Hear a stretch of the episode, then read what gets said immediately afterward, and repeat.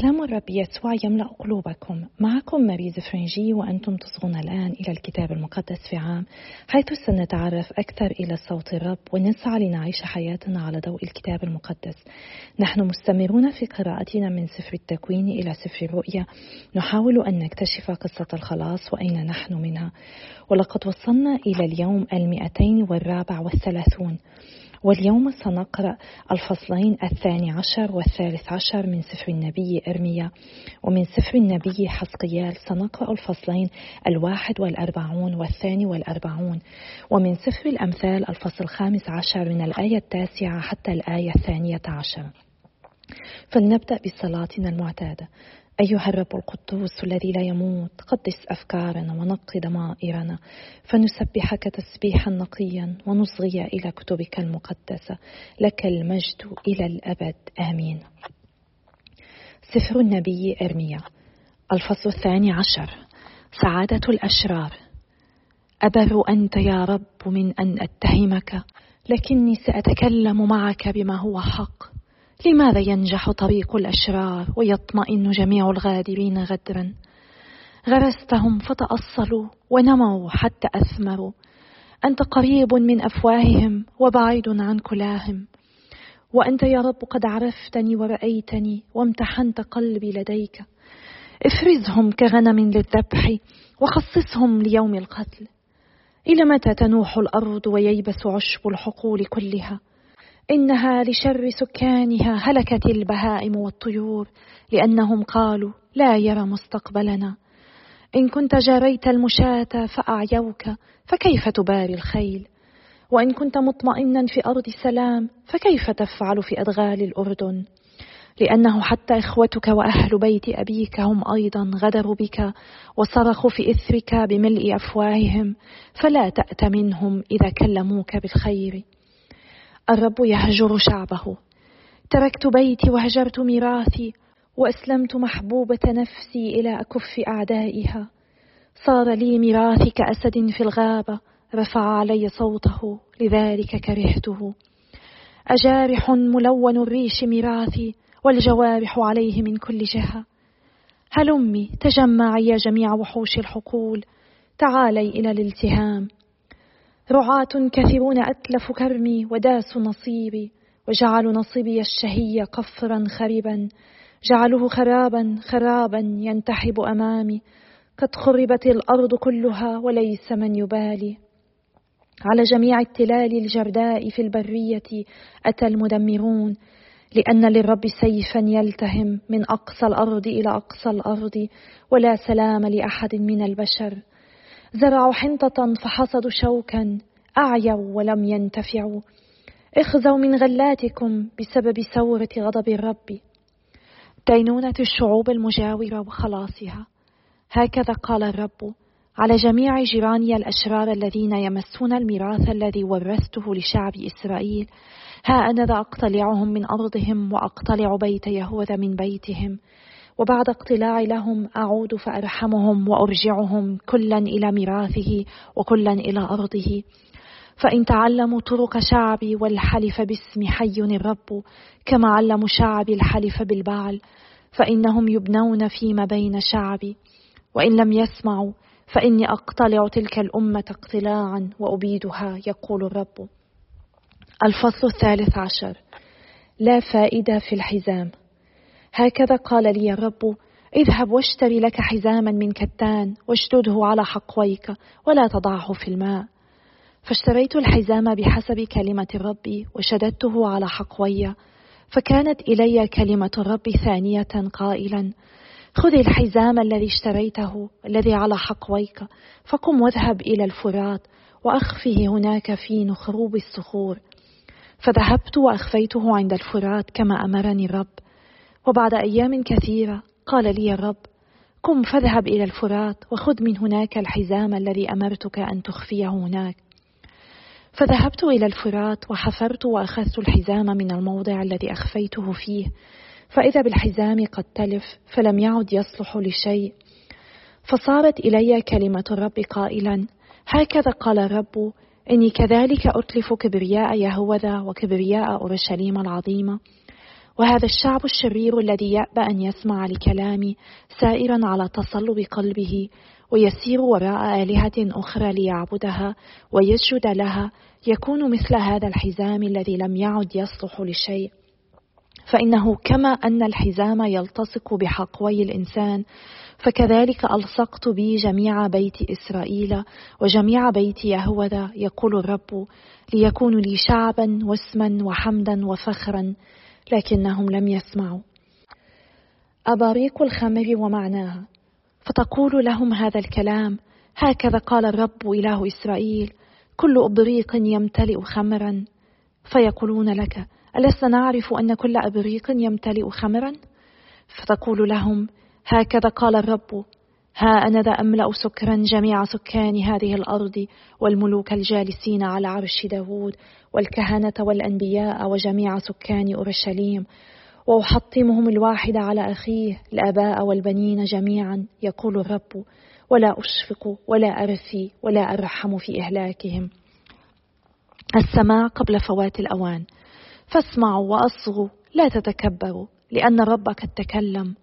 أدوا التمجيد للرب إلهكم قبل أن يخيم الظلام وقبل أن تعثر أقدامكم على جبال الشفق. تترقبون النور فيحوله إلى ظل موت ويجعله غماما مظلما.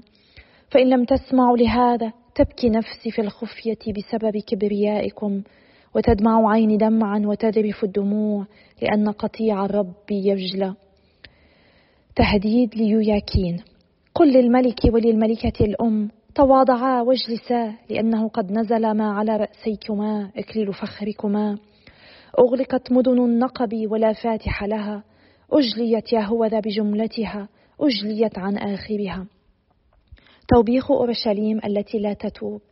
ارفعي عينيك وانظري المقبلين من الشمال. أين القطيع الذي أعطي لك؟ أين غنم فخرك؟ ماذا تقولين إذا عاقبك من علمتهم؟ أول من يأتي عليك ألفاؤك. أفلا يأخذك المخاض كالمرأة التي تلد؟ وإن قلت في قلبك لماذا أصابتني هذه؟ فلكثرة إثمك كشفت أذيالك فاغتصبت. هل يغير الحبشي جلده والنمر رقته؟ وأنتم هل تقتدرون أن تصنعوا الخير وأنتم معتدون الشر؟ إني سأشتتهم كالقش الذي تذهب به ريح البرية. هذا نصيبك والقسمة المكيلة لك من لدني يقول الرب لأنك نسيتني وتوكلت على الكذب. فأنا أيضا رفعت أريالك على وجهك فظهر عارك فسقك وصهيلك وفحش زناك. على التلال وفي الحقول رأيت أقدارك. ويل لك يا أورشليم إنك لا تطهرين. فإلى متى بعد؟ سفر النبي حسقيال الفصل الواحد والأربعون. الهيكل. وأتى بي إلى الهيكل وقاس الأعمدة فكانت ست أذرع عرضا من هنا وست أذرع عرضا من هناك وهو عرض الخيمة. وكان عرض المدخل عشر أذرع وجوانب المدخل خمس أذرع من هنا وخمس أذرع من هناك. وقاس الهيكل فكان أربعين ذراعا طولا وعشرين ذراعا عرضا. قدس الأقداس. وأتى إلى الداخل وقاس عمود المدخل فكان ذراعين وقاس المدخل فكان ست أذرع وقاس عرض المدخل فكان سبع أذرع وقاس طوله فكان عشرين ذراعا وقاس عرضه فكان عشرين ذراعا مقابل وجه الهيكل وقال لي هذا قدس الأقداس. الحجر الجانبية. وقاس حائط البيت فكان ست أذرع وقاس عرض البناء الجانبي فكان أربع أذرع حول البيت من كل جهة. وكانت الحجر متراكبة في ثلاث طبقات كل منها بثلاثين حجرة. وكانت داخلة في الحائط وكان حائط بناء الحجر من حوله متركبا ولم يكن حائط البيت متركبا. وكانت الحجر تتسع في إحاطتها بقدر ما كانت صاعدة لأن محيط البيت كان صاعدا من حول البيت. لذلك كان البيت من فوق أوسع ويصعد من أسفله إلى أعلاه بأوسطه. ورأيت حول البيت مرتفعا وكان هذا المرتفع قاعدة الحجر وكان قياسه قصبة تامة من ست أذرع نحو الزاوية. وكان سمك حائط الحجر من خارج خمس أذرع وكانت هناك فسحة فارغة على طول بناء حجر البيت وكان العرض بين الغرف عشرين ذراعا من حول البيت على محيطه وكان مدخل الحجر عند الفسحة الفارغة مدخلا نحو الشمال ومدخلا نحو الجنوب وكان عرض الفسحة الفارغة خمس أذرع على محيط البيت. البناء الغربي وكان عرض البناء الذي على وجه الساحة المنفصلة جهة الغرب سبعين ذراعا وكان سمك حائط البناء خمس أذرع على المحيط وطوله تسعين ذراعا. وقاس البيت فكان مئة ذراع طولا. وقاس الساحة المنفصلة والبناء وحيطانه فكانت مئة ذراع طولا. وكان عرض وجه البيت والساحة المنفصلة من جهة الشرق مئة ذراع. وقاس طول البناء الذي على وجه الساحة المنفصلة في مؤخرها وقاس مماشيها من هنا ومن هناك فكانت مئة ذراع. الزينة الداخلية. وكان داخل الهيكل وأروقة الدار والعتبات والنوافذ المشبكة والمماشي التي حول الجوانب الثلاثة أمام العتبة ملبسة بألواح الخشب على كل المحيط من الأرض إلى النوافذ. وكانت النوافذ مغطاة وأما ما فوق المدخل إلى داخل البيت وخارجه وعلى محيط الحائط كله من الداخل ومن الخارج فقد كان له أقيسة وكان مصنوعا فيه كروبون ونخيل بين كروب وكروب نخلة وكان للكروب وجهان وجه بشر إلى النخلة من هنا ووجه شبل إلى النخلة من هناك. هكذا كان مصنوعا في كل البيت على محيطه. ومن الأرض إلى ما فوق المدخل كان مصنوعا كروبون ونخيل وكذلك على حائط الهيكل وكانت دعامتا الهيكل مربعتين. مذبح الخشب. وكان أمام المقدس كمنظر مذبح مذبح من خشب علوه ثلاث أذرع وطوله ذراعان وزواياه وقاعدته وجدرانه من خشب. وقال لي هذه هي المائدة التي أمام الرب. الأبواب. وللهيكل والمقدس بابان ولهذين البابين مصراعان متحركان مصراعان للباب الواحد ومصراعان للباب الآخر. وكان مصنوعا على أبواب الهيكل كربون ونخيل كما هو مصنوع على الحيطان. وكانت كنة من خشب على وجه الرواق من الخارج ونوافذ مشبكة ونخيل من هنا ومن هناك على جوانب الرواق وعلى حجر البيت والكنان. الفصل الثاني والأربعون. توابع الهيكل. وأخرجني إلى الدار الخارجية نحو الشمال وأدخلني إلى الغرفة التي تجاه الساحة المنفصلة وتجاه البناء جهة الشمال. وكان الطول عند الوجه مئة ذراع مع مدخل الشمال والعرض خمسين ذراعا. وتجاه العشرين ذراعا التي للدار الداخلية وتجاه المجزع الذي للدار الخارجية ممشى قبالة الممشى ذي الطبقات الثلاث. وأمام الغرف ممر بعشر أذرع عرضا ونحو الدار الداخلية كان ممر بذراع عرضا وكانت مداخلها جهة الشمال والغرف العليا ضيقة لأن المماشي أكلت من هذه وأضيق من أسافل البناء ومن أواسطه إذ هي ثلاث طبقات وليس لها أركان كأركان الدور لذلك كانت أصغر مما تحتها من الأواسط والتي في الأرض. والجدار الذي في الخارج عند الغرف نحو الدار الخارجية طوله خمسون ذراعا أمام الغرف لأن طول الغرف التي عند الدار الخارجية خمسون ذراعا وقد كان أمام الهيكل مئة ذراع. ومن تحت هذه الغرف مدخل من الشرق حيث يدخل إليها من الدار الخارجية. وفي عرض جدار الدار نحو الشرق أمام الساحة المنفصلة وأمام البناء كانت غرف وأمامها طريق كما للغرف التي نحو الشمال من حيث الطول والعرض وجميع المخارج والتقسيم والأبواب.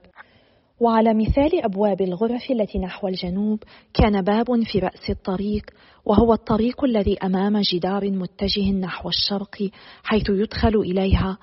وقال لي إن غرف الشمال وغرف الجنوب التي أمام الساحة المنفصلة هي غرف مقدسة. هناك يأكل الكهنة المتقربون من الرب أقداس الأقداس وهناك توضع أقداس الأقداس أي التقدمه وذبيحة الخطيئة وذبيحة الإثم لأن المكان مقدس. وإذا دخل الكهنة فلا يخرجون من القدس إلى الدار الخارجية بل يضعون هناك ثيابهم التي يخدمون بها لأنها مقدسة ويلبسون ثيابا أخرى ويتقدمون إلى المكان الخاص بالشعب. أقيسة الدار. ولما تم أقيسة البيت الداخلي أخرجني من طريق الباب المتجه نحو الشرق وقاس البيت على محيطه. قاس جهة الشرق بقصبة القياس فكانت خمسمائة قصبة بقصبة القياس على المحيط. وقاس جهة الشمال فكانت خمسمائة قصبة بقصبة القياس على المحيط. وقاس جهة الجنوب فكانت خمسمائة قصبة بقصبة القياس وانعطف إلى جهة الغرب وقاسها فكانت خمسمائة قصبة بقصبة القياس قاسه من الجهات الأربع وكان له حائط على محيطه طوله خمسمائة وعرضه خمسمائة للفصل بين القدس وغير المقدس. سفر الأمثال الفصل الخامس عشر من الآية التاسعة حتى الآية الثانية عشر. طريق الشرير قبيحة عند الرب أما الساعي إلى البر فهو يحبه. تأديب شديد لتارك السبيل والذي يبغض التوبيخ يموت. مثوى الأموات والهاوية تجاه الرب فكم بالأحرى قلوب بني البشر. الساخر لا يحب أن يوبخ وإلى الحكماء لا يذهب. أيها الآب السماوي إننا نسبحك ونمجدك ونشكرك. نشكرك يا رب من أجل عطية كلمتك. نشكرك من أجل هذه الجماعة الكتاب المقدس في عام حيث ندرك أننا نحمل بعضنا بالصلاة. نعم هناك أشخاص يصلون من أجلنا ومعنا. أشخاص يصغون لكلمتك يا رب. وكلنا مكسورون يا رب. كلنا نعاني بطريقة أو أخرى ولكننا نستمر بالعودة هنا لكي نصغي إليك يا رب. نحن يا رب نستمر بأن نعطيك إذنا كي تعرف قلوبنا كي تكشف عن قلوبنا وكي تغير قلوبنا عندما تتحدث إلينا. أنت يا رب تعرف قلوبنا أكثر منا تعرف كم نحن مجروحون كم نحن متألمون. حتى يا رب عندما نفشل بأن نكون الرجال والنساء الذين خلقتهم الذين خلصتهم ليكونوا تلاميذك أنت يا رب تدعونا إليك دائما وتعطينا فرصة كل يوم كي نتعرف إليك أكثر ونقترب منك. نشكرك يا رب. ونطلب منك أن تجعل اسمك يتمجد في كل واحد فينا أن يتبارك اسمك. أعطنا يا رب أن نحبك من كل قلوبنا واجعل قلوبنا يا رب تعرف كيف تحبك حبا يليق بك. أنت الذي تحبنا حبا لا حدود له. باسم الرب يسوع نصلي آمين. باسم الآب والابن والروح القدس إله واحد آمين. تعلن الآيات التي قرأناها اليوم من سفر الأمثال عن أهمية قبول التأديب التي سبق أن ذكرت منذ بضعة أيام وقد أعلن أن من يترك طريق الله لابد أن ينال تأديبا جزئيا على الأرض ثم عذاب في الحياة الأبدية. وهو يؤكد بقوله أن مبغض التوبيخ لابد أن يهلك لأنه رفض التعليم الإلهي ونسي أن الله يكشف جميع القلوب كما يكشف أيضا أماكن الأشرار في الحياة الأخرى التي يشير إليها بالهلاك. وهو هنا ينبه الأشرار المستهزئين المتكبرين الذين يرفضون التوبيخ ويبتعدون عن الحكماء حتى لا تنكشف خطاياهم. بينما الحكماء يميزون الخير عن الشر بأعمالهم وكلامهم. الأشرار بتباعدهم عن الحكماء يعلنون إصرارهم على الخطيئة ورفضهم التوبة وبالتالي يسرعون بأنفسهم إلى الهلاك. وهذا يذكرنا بفضيلة الطاعة أو الفضيلة التي يملكها الشخص الذي يكون سهل الانقياد سهل التعلم. يعني أنه مستعد لأن يسمع ما يقال له ليتعلم منه ليتغير إلى الأفضل. وقد يبدو للكثيرين أن هذه الفضيلة هي ترمز إلى ضعف ما ولكنها حقا تتطلب الكثير من الشجاعة والتواضع حتى نقبل تصليح الآخرين ونسعى إلى تغيير أنفسنا. الشخص الذي يتمتع بقلب مطيع هو منفتح على كل ما يريد الله أن يعلمه إياه.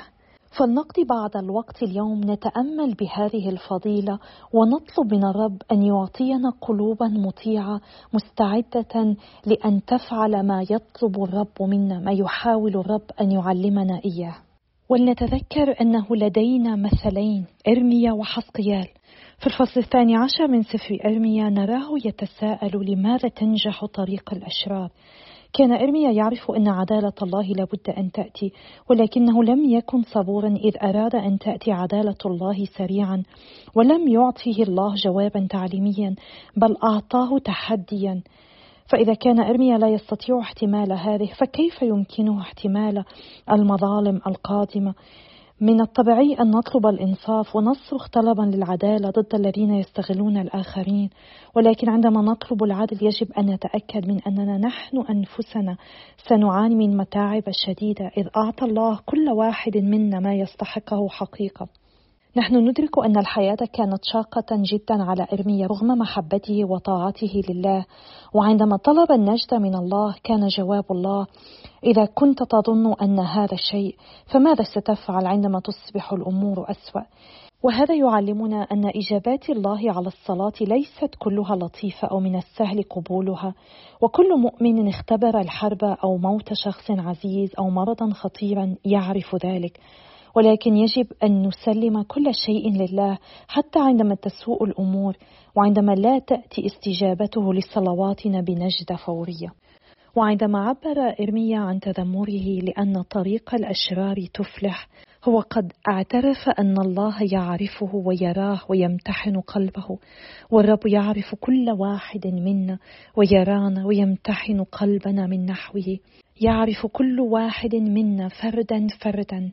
نحن لا نضيع في الجمع مع الرب. جواب الرب على شكوى إرميا نقرأه في الآية الخامسة.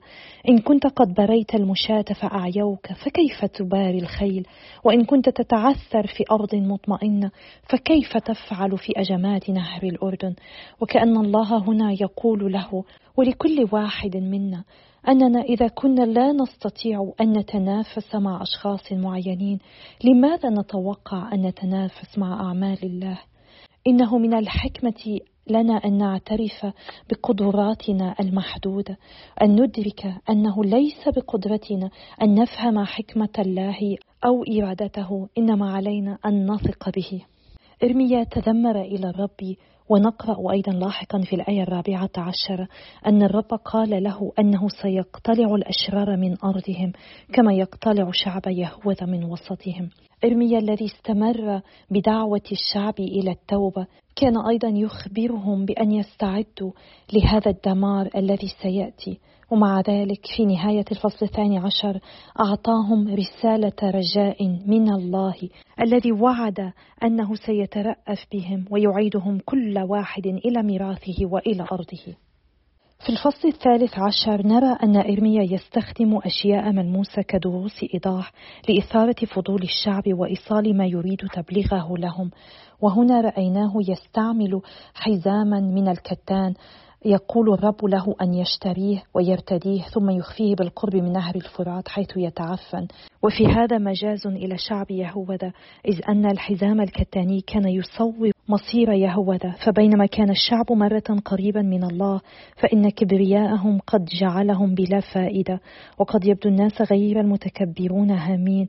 ولكن الله يقول إن كبرياءهم يجعلهم غير نافعين لشيء ولا فائدة منهم بالمرة. فالكبرياء يفسد قلوبنا حتى نصبح بلا فائدة لله. ونسمعه يهددهم بالسبي ويقول اسمعوا واصغوا ولا تستكبروا لأن الرب قد تكلم. مجدوا الرب إلهكم قبل أن يجعل الظلام يخيم عليكم. هو يحذرهم من الكبرياء لأنه من السهل السقوط فيه. بينما يحسن بنا أن نحترم بلدنا وكنيستنا فإن ولاءنا يحمل معه دائما خطرا كامنا هو الغطرسة والكبرياء التي تكون مؤذية عندما تجعلنا نحتقر الآخرين نصبح أنانيين في استخدام مواردنا نفرض حلولنا على مشكلات الآخرين. نظن أن الله يباركنا لأجل استحقاقاتنا. ونقتنع بخططنا فلا نطلب خطط الله ولا نسعى لتحقيق إرادة الرب. مرة أخرى يجدد إرميا الدعوة للتوبة والعودة إلى الله. هذه الدعوة موجهة لكل واحد منا ما دام الوقت يسمح بذلك. كما قلنا مرات عديدة إن حياتنا على هذه الأرض هي فرصة لنا كي نتوب ونعود إلى الرب. هناك متسع من الوقت الآن ولكننا لا نضمن غدا. لا نضمن ماذا سيحدث غدا ولا يمكننا أن نتكل على ما بعد هذه الحياة. لنا اليوم كي نتوب ونعود إلى الرب. إن الرب يدعو كل واحد منا كي نقترب إليه كي نتعرف إليه أكثر كي نبتعد عن الخطيئة. هذه الكلمات تنطبق على كل واحد منا اليوم. إنها دعوة فردية لكل شخص منا. ربما نحن نصغي إلى الكتاب المقدس في عام ولكننا نفعل ذلك بحذر أو بشك وليس بقلب منفتح يرغب أن يتعرف على الله أكثر.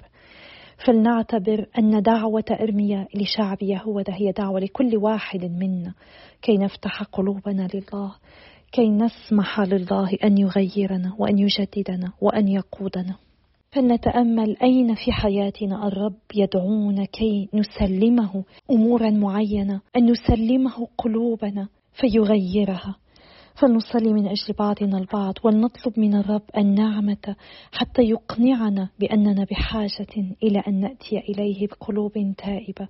في سر الاعتراف أنا أصلي لأجلكم وأتشكركم على صلواتكم وإلى اللقاء غدا يوم آخر إن شاء الله.